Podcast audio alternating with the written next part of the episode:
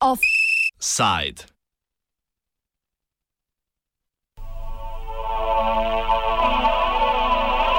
Od Gvajane do nebes.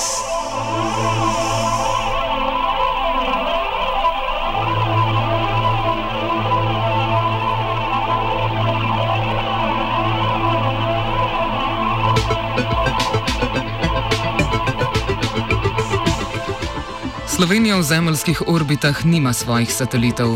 Ne še. Danes, malo pred četrto jutranjo uro po našem času, bi morala z vesoljske postaje v francoski Gvajani vzleteti raketa Vega. Na njej je nameščenih 53 satelitov, dva od njih sta slovenska, imenovana Trisat in Nemo HD. Trikrat so izstrelitev rakete že prestavili, tokrat zaradi neprimernih vremenskih razmer oziroma višinskih vetrov. Čeprav se Slovenija za zdaj ne more pohvaliti s kolonizacijo vesolja, je le še vprašanje časa, kdaj se bo lahko.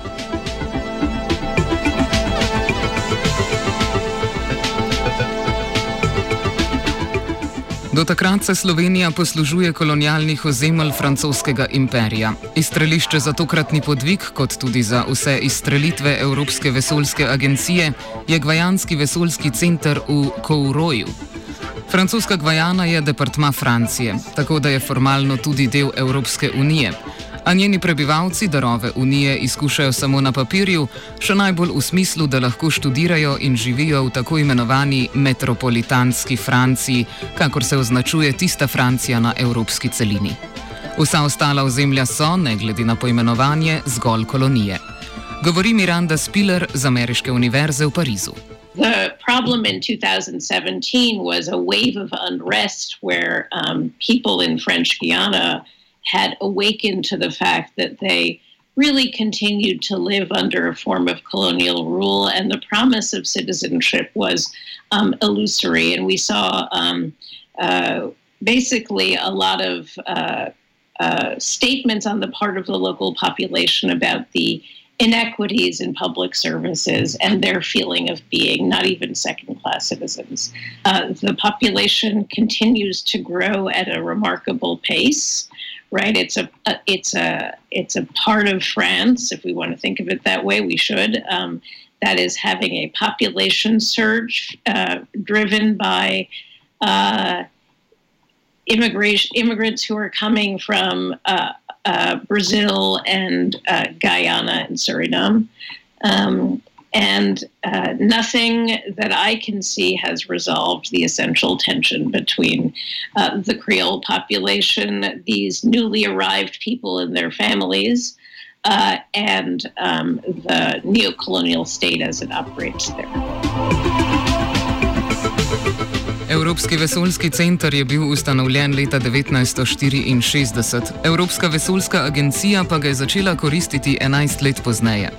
Globalna lokacija centra je izjemno ustrezna, saj se nahaja nedaleč od ekvatorja, znotraj departmaja pa je bil zgrajen na odročnem ozemlju, kar priča o tem, da nikoli ni bil mišljen kot projekt, ki bi izboljšal standard življenja tamkajšnjih ljudi. Well, I think that you have to look first at the choice of location for the space station in the first place.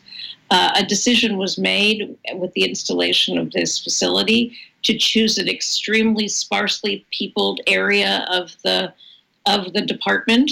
Uh, when the space station was built, very, very few people lived at Kourou. Um, it had been the site of a failed colonial endeavor in the 18th century and then uh, was just a, a, really a little village. So they were hardly going to be uh, contributing to the local economy because there was, in effect, no local economy when they created the space station there.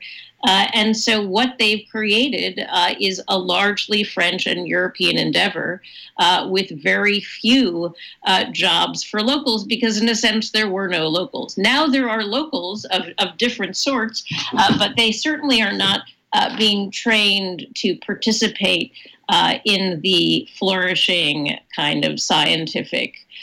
project there and remain very much on the outside of that of that endeavor. Po mnenju Mihe Turšiča, soustanovitelja kulturnega središča evropskih vesoljskih tehnologij, je v primeru izstreljevanja satelitov v zemljsko orbito od starega kolonializma pomembnejše vprašanje kolonizacije vesolja.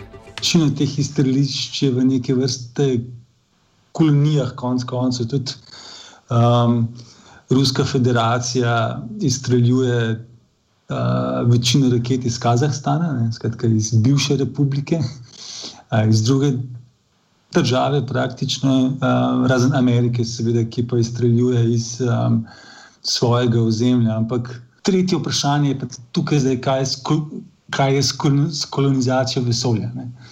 Rekel, in uporaba zemeljske orbite, še posebej pa neke ambicije na drugih planetih, so zelo blizu nekim kolonialnim težnjam, no? Um, oziroma praksam, bi lahko rekel. Ne? tako da tam se šele zres nekako kolonialni diskurs šele odpre. No. Skratka, do pred kratkim je bilo ukvarjanje z vesoljem še vedno v polju znanstvenega raziskovanja, skratka, ta space exploration uh, in tudi mednarodna, uh, te uh, mednarodni sporazumi, pa praktično so temeljili na sporazumih iz 60-ih let, kjer je bilo vesolje obravnavano kot objekt opazovanja in proučevanja. Ne. So, je nova zakonodaja, predvsem Luksemburška in pa zdaj v zadnjem času še ameriška, preoblikovala praktično vesolje v prostor za. Uh, Prostor z neskončnimi viri, ki se jih lahko izkoriščajo.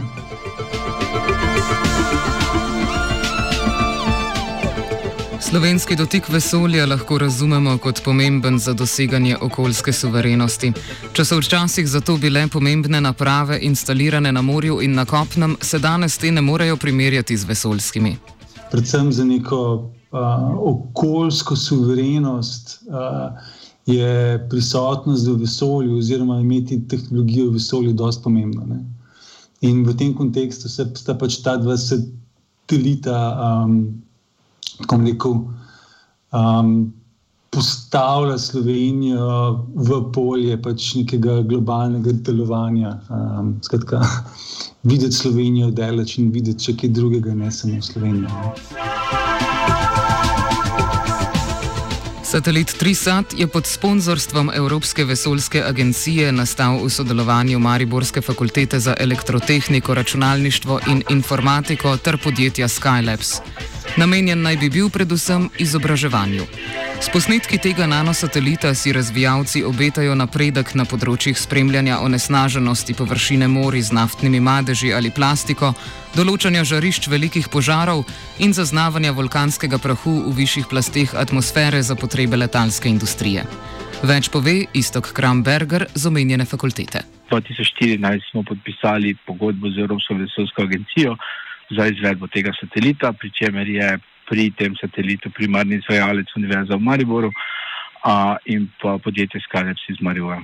Trisat je do sedaj uh, vreden uh, 750 tisoč evrov, kar vključuje tudi uh, stroške izstrelitve v višini 260 tisoč evrov. V ja. letih 2014 do 2016 smo pa zapravo razvili vse ključne tehnologije in izdelali kompletno platformo ki je danes osnova satelita Trisat. Um, tako smo bili eh, nekje v letu, konec leta 2018, pripravljeni na polet, no in potem se pričela, so se začele priprave na polet, um, ki je bil načrtovan že za leto 2019. Žal je takrat prišlo do, takoj po integraciji našega satelita, integracijo smo izvedli na Nizozemskem, je prišlo do neljube situacije z neuspešnim poletom številka 15 nosilne rakete Vega. A, iz omenjenega razloga se je v bistvu izstrelitev takrat a, a, popolnoma zaustavila, naslednja. In tako je bilo, da bi v orbito poleteli v marcu 2020, žal je pa takrat. A, situacija COVID preprečila ponovno izstrelitev v marcu, tako da smo se predstavili v aktualno dogajanje. Zdaj v aktualnem dogajanju je situacija takšna, da uh, stopamo v šesti mesec baterijskega ciklusa. Uh, naše baterije so približno šest mesecev uh, v aktualnem stanju, brez potrebe po uh, polnjenju. Uh, tako da zdaj stopamo v zadnji mesec aktualnega stanja. Zad, zadnje polnjene baterije smo izvedli v Brnu, na Češkem, uh, januarja, 30. januarja letos. Trenutno smo dogovorjeni jutri za sestanek, uh, uh, da pripravimo pač plan, plan uh, deriska oziroma kako bomo zminjaturizirali riziko, riziko za uspešno misijo. Satelitom Nemo HD bo možno Zemljo opazovati interaktivno. V realnem času bodo lahko njegovi upravljavci hkrati prejemali sliko satelita in ga vodili z obračanjem okoli njegovih osi. Poleg tega bo lahko opravljal vse klasične naloge daljinskega opazovanja mest, kmetijskih in gozdnih površin ter invazivnih rastlinskih vrst. Nemo HD bo dopolnjeval evropski sistem Kopernikus in zagotavljal lastni vir podatkov za potrebe kmetijstva, gozdarstva, urbanizma, transporta in ekologije v Sloveniji in drugih državah s podobnimi potrebami. Kot nam je povedal Tomaš Rodič, direktor Centra odličnosti vesolje, je satelit primarno namenjen raziskovalnim nalogam in tehnološkim demonstracijam, tako da trženje zbranih podatkov v finančnem načrtu ni predvideno. Center je satelit razvil v sodelovanju z Inštitutom za vesoljske vede Univerze v Torontu. V zemeljskih orbitah je okrog 5000 satelitov. Janez Kos z Fakultete za matematiko in fiziko razloži, da problem ni v sami količini satelitov, temveč v njihovem upravljanju. Problem je to, da imamo v vesolju zdaj že zelo veliko satelitov, torej štejemo jih v tisoče in se bojo uresničili projekti SpaceX-a in podobnih firm, ki jih želijo poslati še, še nekaj deset tisoč v, v vesolje, bo, bo v vesolju ratala gneča. Um, zdaj, sateliti so relativno majhni, prostore je v resnici velik, ampak tisto, kar je problem, je, da te sateliti zelo hitro šibajo po um, kol naše zemlje. Torej, govorimo o hitrostih um, nekaj kilometrov ali pa nekaj deset kilometrov na sekundo. Um, Kar pomeni, da če se dva taka satelita zaletita, kar se je zgodil um, in se seveda več sateliti v orbiti lahko toliko bolj verjetno spet zgodi, um, prije do tega, da, da se te dva satelita razsujeta in um, pri tem povzročita lahko verižno reakcijo, torej vsi te eh, šrapneli, ki nastanejo, lahko potem zadanejo druge satelite. Pravila so raz, različna, odvisno od orbite. Recimo v geostacionarni orbiti, ker ta je samo ena in um, um tam tja radi pošljemo veliko satelitov, um, morajo recimo vsi sateliti, ki niso več aktivni, um, imeti dovolj goriva še, da se lahko iz te orbite um, odstranijo, torej da, um, da se prestavijo na višjo ali pa nižjo orbito. Um, torej za geostacionarno veljajo taka pravila. Recimo za nizkozemljsko orbito, nizkozemljskih orbit je veliko različnih, lahko sateliti krožijo v različnih ravninah, na različnih višinah. Takih pravil ni. In v tem primeru edino, kar počnemo, je, da satelitom sledimo z radarji. In če bi prišlo do tega, da sta dva satelita blizu tega, da, da bosta trčila, um, se da to ugotoviti in operaterjem tem satelitom to sporočiti in reči, naj pač se zmenijo, da bojo en satelit premaknili. Sateliti so, če tudi naj bi bili namenjeni raziskovanju, neposreden poseg v ekosistem. Turšič razlaga, da je večina, velika večina satelitov namenjena komercialni, ne pa znanstveni uporabi.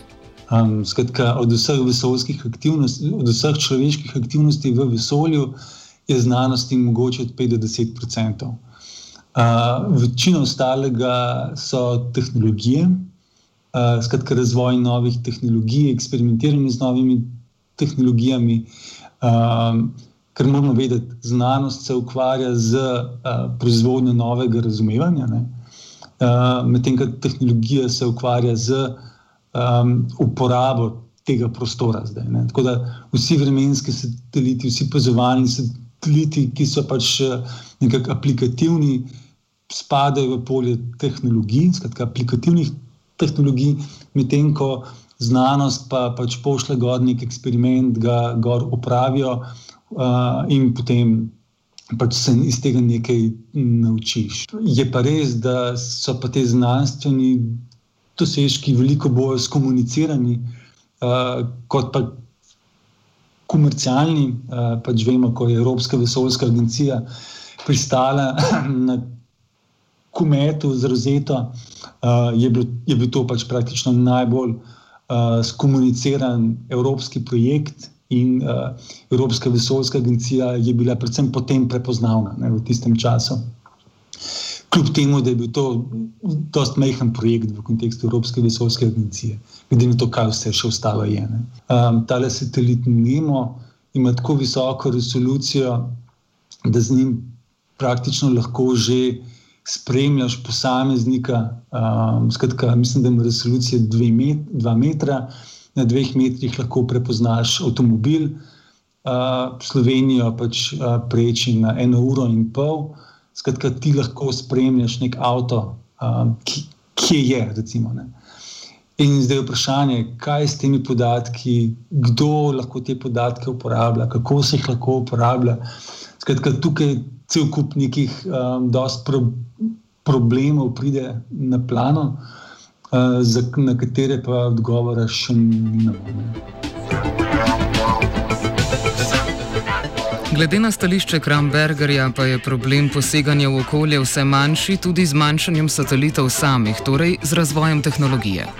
Brez naprav seveda ne znamo spremljati uh, okolje. Uh, torej za, vsako, za vsako računalniško podprto ali kakršno koli drugače podprto opazovanje uh, zemljskega površja iz vesolja, potrebujemo neko napravo v vesolju. To je, to je dejstvo.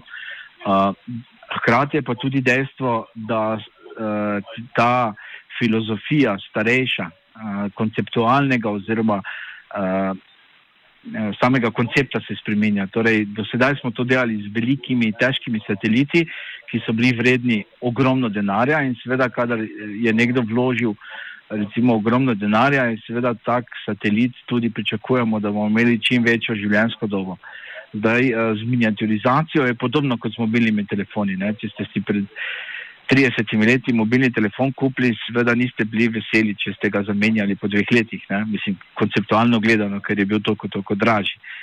A, danes je recimo vem, strošek mobilnega telefona, če govorimo samo zgolj o komunikaciji, ne pa zdaj o fancy šmenci telefonu, ne, je koncept povsem drugačen. Torej, a, pač telefon bo deloval leto, pa pol dve, pa, pa se ga zamenja. E, in podobno se dogaja tudi na področju vesoljskih tehnologij. Torej, a, z miniaturizacijo dosegamo to, da dosti manj vplivamo na okolje kot tako, hkrati tudi satelit samodejno po neki času, neki zreli z, oziroma neki smiselni dobi uporabe tudi popolnoma izgori, torej se spremeni v, v preprost prah. Offside je pripravil Martin. Oh.